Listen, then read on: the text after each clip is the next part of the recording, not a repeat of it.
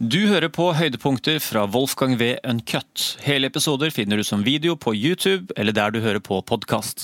Å forklare hvorfor innvandring blir så utrolig vanskelig. Mm. Eh, vi, vi, vi, kan selvfølgelig late som at dette er bare et rent moralsk spørsmål, der da umoralske mennesker er for innvandringsbegrensninger, og moralske mennesker åpner, ønsker å åpne grenser. Men det er to posisjoner som det er nesten ingen som står der lenger. Eller hvis de noen gang sto der. Det er ingen som åpner, ønsker helt åpne grenser, og det er ingen som ønsker helt lukkede grenser. Så debatten har nå migrert mot et sentrum der man diskuterer hva er en bærekraftig innvandringspolitikk. Mm. Og sånn som Det som har skjedd i Norge, for eksempel, der du ser Arbeiderpartiet har jo mer eller mindre copy-pasta FrPs innvandringspolitikk nå. De innrømmer det ikke, men de har gjort det. Samtidig som at Høyre også har beveget seg mot der, og Senterpartiet. Og så nå har, vi, nå har vi et ganske restriktivt konsensus, og det har tatt vinden ut av innvandring som det store debattema. Men hvis vi skrur tilbake til 2014, så var det dette som, som skapte Dokument.no og Resett og HRS. Det, det var en stor hmm. misnøye blant mange nordmenn om, om at de mainstream-media ikke gjorde jobben sin og ikke representerte folks mening. Det fører oss til jeg satt fire motstridende hensyn eh, kolliderer i innvandringsspørsmålet. Det første er demokrati. Det er en antakelse av folk som lever i demokrati, om at deres mening, altså den mening som et flertall har, på en eller annen måte må reflekteres i den politikken som føres av den regjering de har ført. Dette gjelder ofte på mange felt, men ikke på innvandring. Eh, jeg nevnte det at det var, det var blitt en trend at, at, befolkningen signaliserte vi vil ha en begrenset innvandring, og at man fikk dobbelt så mye år for år. Så det ble et demokratisk problem at, at politikerne ikke representerte opinionen på dette punktet, og ikke hadde tenkt å, å representere opinionen på dette punktet. Og, det, og høyresiden var like eh, de, de, partiene som spiller rollen som Høyre gjør i Norge, og de partiene som spiller, fyller rollen som Arbeiderpartiet eh, eh, fyller i Norge. Man har disse i de fleste europeiske land.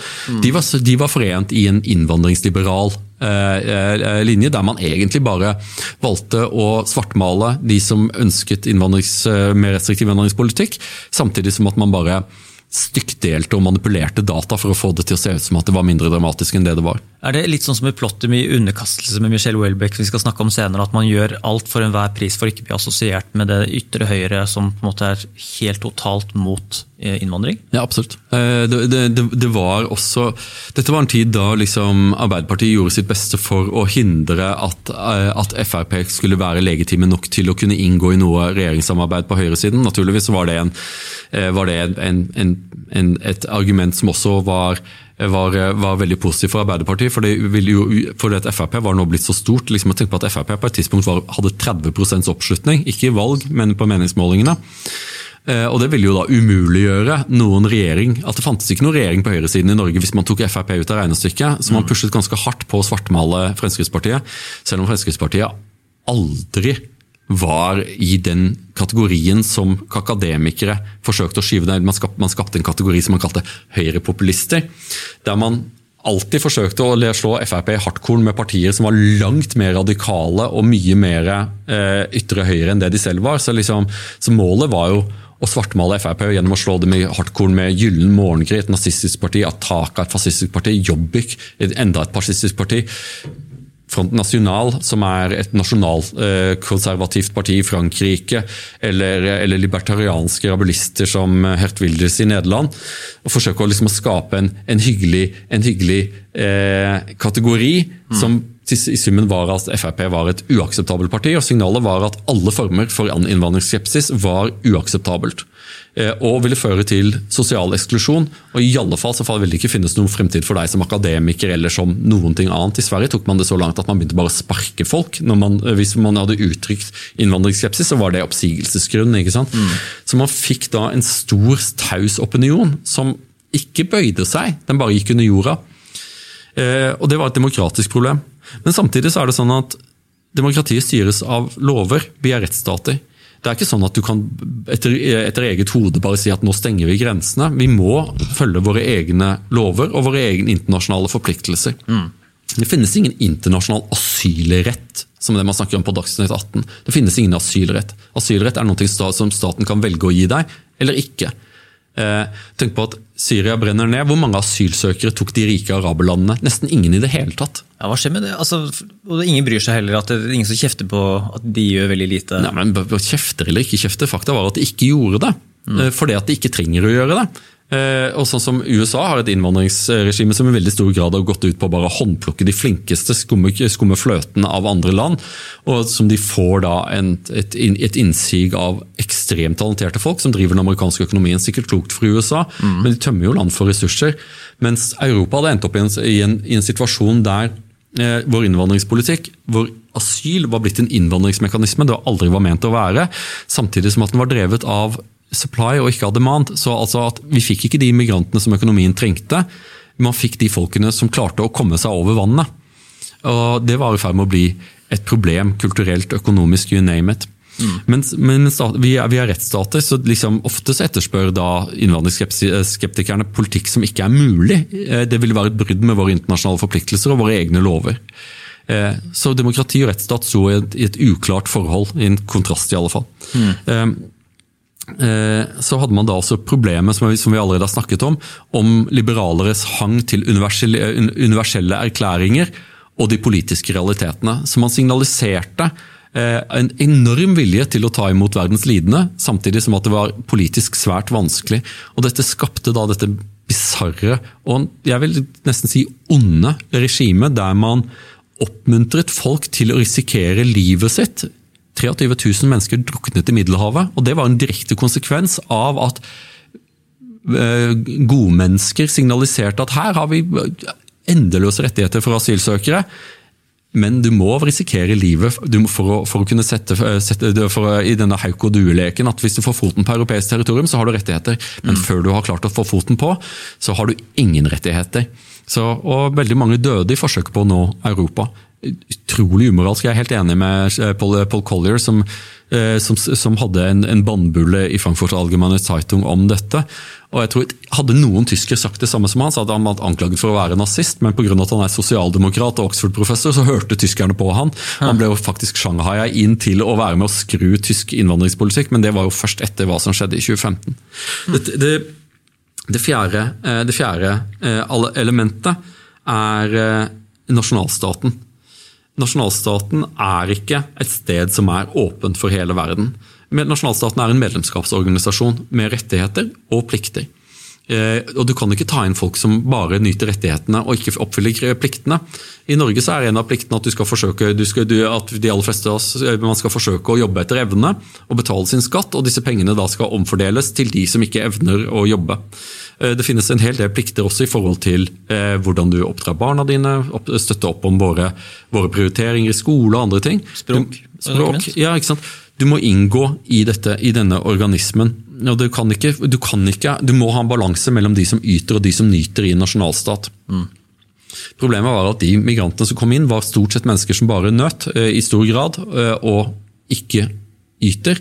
Og Det ville ikke vært et problem hvis man hadde den type drypp, drypp, drypp-migrasjon som det man hadde gjennom, eh, gjennom eh, de første årene av 2000-tallet. Men når dette ble en flodbølge, så ble det et problem for nasjonalstaten. Hva skulle skje med, med, med nasjonen? Og da kom da akademikere skridende til verket med multikulturalisme som løsningen. Og Vi snakket i Galicia om hvor farlig multikulturalisme var. Mm. Dessverre så tok det en tid før folk tok og begynte å tenke grundig gjennom hva, hva implikasjonene av dette tankekostet, Hvor, hva er de potensielle farene?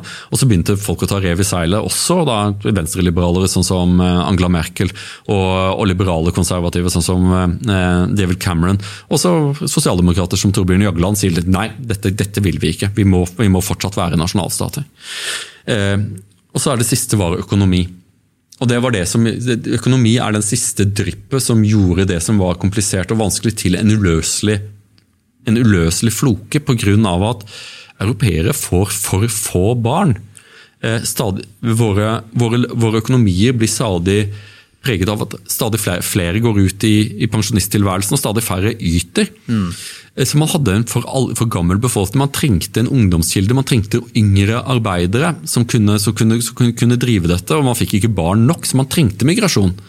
Eh, Norge er et godt eksempel på hvordan spesielt EØS-migrasjonen har vært en, en, en kjempesupercharger for norsk økonomi, pga. at man fikk inn da flinke polakker, bulgarere, andre som kommer og gjør veldig mange tøffe jobber i samfunnet vårt og får gode lønner for det. Mm. Eh, og stort sett så drar de tilbake til sine egne land med de pengene de har tjent, som de har ærlig og redelig fortjent.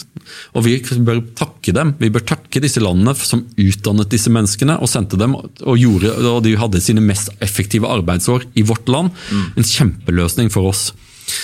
Eh, men så var det det at asylmigrantene var ikke som EØS-innvandrerne. De var langt mindre skolert. De var også fra land som var i en helt andre ende av skalaen. De kom ofte fra lavtillitssamfunn.